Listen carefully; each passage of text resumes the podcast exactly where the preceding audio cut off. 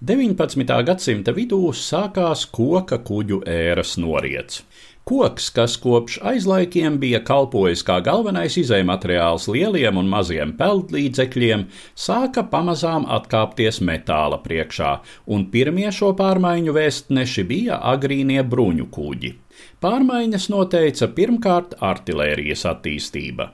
19. gadsimta 20. gados franču ģenerālis Henri Josefs Peksāns bija izgudrojis jūras lielgabalu, kas varēja šaut ar eksplodējošiem lādiņiem, un tie, saprotams, bija daudz bīstamāki tradicionālajiem koka kuģiem.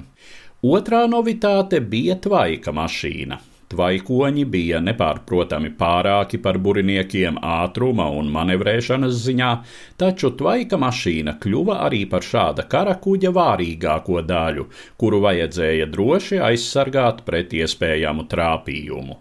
Tradicionālo koka burinieku laikmeta beigas iezvanīja Krimas karš, kad vispirms Krievu flotes eksplodējošie lādiņi kaujā Sinopas līcī nolaida dibenā Osmaņu flotes eskadru, kas sastāvēja pamatā no tradicionālajiem koka buriniekiem, bet pēc tam Franči pie Krimas krastiem sekmīgi izmantoja tās augtās peldošās baterijas, nelielus bruņām klātus tvaikoņus ar lielgabaliem uz klāja.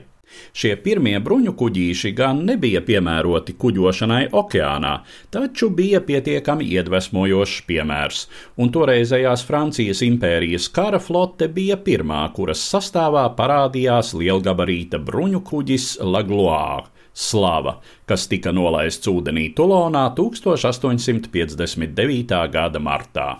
Kuģim bija trīs masti, tvaika dzinējs, dzelzs karkas un dzelzs bruņām klāts koka korpuss.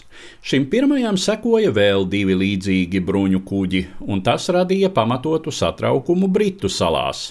Britu admiralitātes atbildes gājiens, viņas majestātes flotes fregate Warrior, karotājs, pameta Temzas dzelzceļapstrādes un kuģu būvniecības kompānijas doku Londonā 1860. gada 29. decembrī. Faktiski jau tieši karotājs uzskatāms par pirmo īsteno bruņu kuģi, jo atšķirībā no franču līdziniekiem arī tā korpus bija gatavots no dzelzceļa. Tomēr kara kuģu būvniecība vēl kādus gadus turpināja sekot ierastajiem dizaina parametriem, un arī šim kuģim bija ne tikai tvaika mašīna, bet trīs masti ar burām. Tas arī bija iemesls, kāpēc karotājam nenācās piedalīties nevienā jūras kaujā.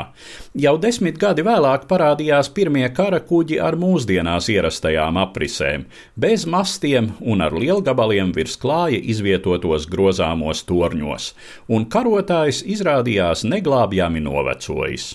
Līdz 1900. gadam tas vēl darbojās kā krasta apsardzes kuģis, taču tad tika pārvērsts par peldošu noliktavu. Pagājušā gadsimta 20. gados vienīgi metālūžņu pārbagātība pēc pasaules kara glāba karotāju no sazāģēšanas, un tas turpināja kalpot Britu flotei kā peldoša jūrskolas mācību telpa, pēc tam kā degvielas novietne. Šādā kvalitātē kuģis sagaidīja 1978. gadu, kad flotes vēstures entuziasti sagādāja līdzekļus pirmā britu bruņu kuģa restaurācijai un pārvēršanai par muzeju. Pilnībā atjaunot fregati gan nevarēja. Masti nav viss no koka kā savulaik, bet gan no metāla, un tvaika mašīna ir vizuāls atdarinājums, kuru kustina elektromotors.